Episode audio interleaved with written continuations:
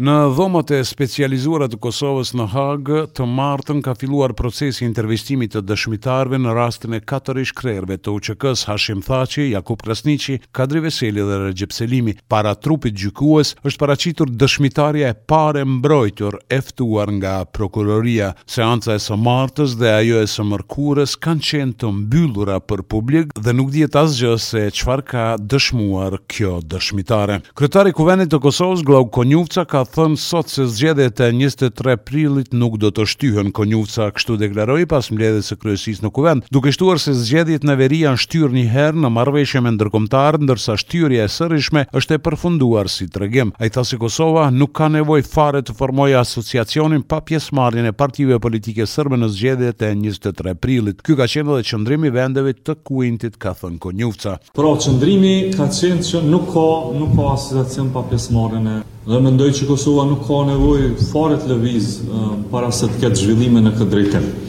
Pra nuk mund që ne të kushtëzohemi prej Vuçiqit, prej Beogradit, prej Sërbisë, që ata të vendosin se kur të ketë zgjedhje jo në Kosovë. Zgjedhjet janë caktuar, një kompromis i mëhershëm ka ndodhë, zgjedhjet janë shty një herë. Zëvendëskryeministri i Kosovës, Besnik Bislimi, i cili gjendet për vizitë zyrtare në Shtetet e Bashkuara, ka thënë se shtyrja e zgjedhjeve në veri nuk do të ishte opsion i mirë. Në një intervistë për Zërin e Amerikës, Bislimi tha se Shtyrja e zgjedhjeve në veri do ta paraqiste veriun si zonë të menaxhimit të krizave e jo si proces të normalizimit të raporteve. Shtyrja nuk është opsion i mirë, është opsion i atyre që mendojnë që në këtë moment më mirë është që veriu të shndërrohet në një zonë të menaxhimit të krizave e jo në një të hyjë një proces të normalizimit të raporteve. Për momentin protagonisti kryesor që kërkon shtyrjen e zgjedhjeve është zoti Vuçiç, i cili edhe kërkon koncesione për pjesëmarrje në zgjedhje. Është shumë gabim që edhe zëra nga politika në Kosovë i bashkohen kësaj narrative të zotit Vuçiç. Sot në Kosovë po qëndron kryeministri në detyrë i Malit të Zi, Dritan Abazoviç. Ai ka zhvilluar sot takime me kryeministrin e Kosovës, Albin Kurti, me të cilën kanë nënshkruar disa marrëveshje ekonomike.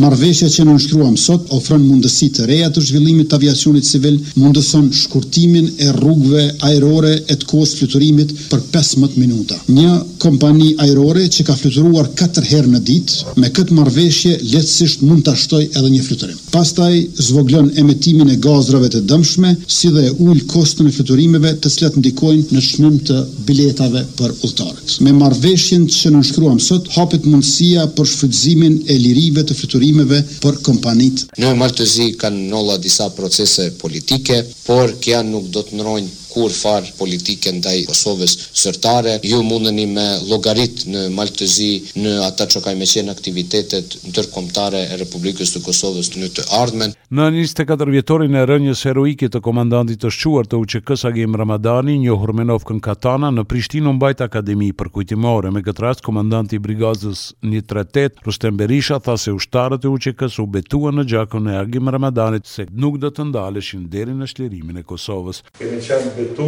mas asaj date se aty ku u derdh gjaku i Agim Ramadanit ma këmba e armikut nuk do të shkelë. Ideatori i planit për thyerjen e kufirit shqiptaro-shqiptar, Agim Ramadani ra heroikisht më njëmbëdhjetë prill në luftimet kundër forcave serbe në vendin e quajtur Te Rrasa e Zogut. Për Radion SBS Mendu Hysa, Prishtinë.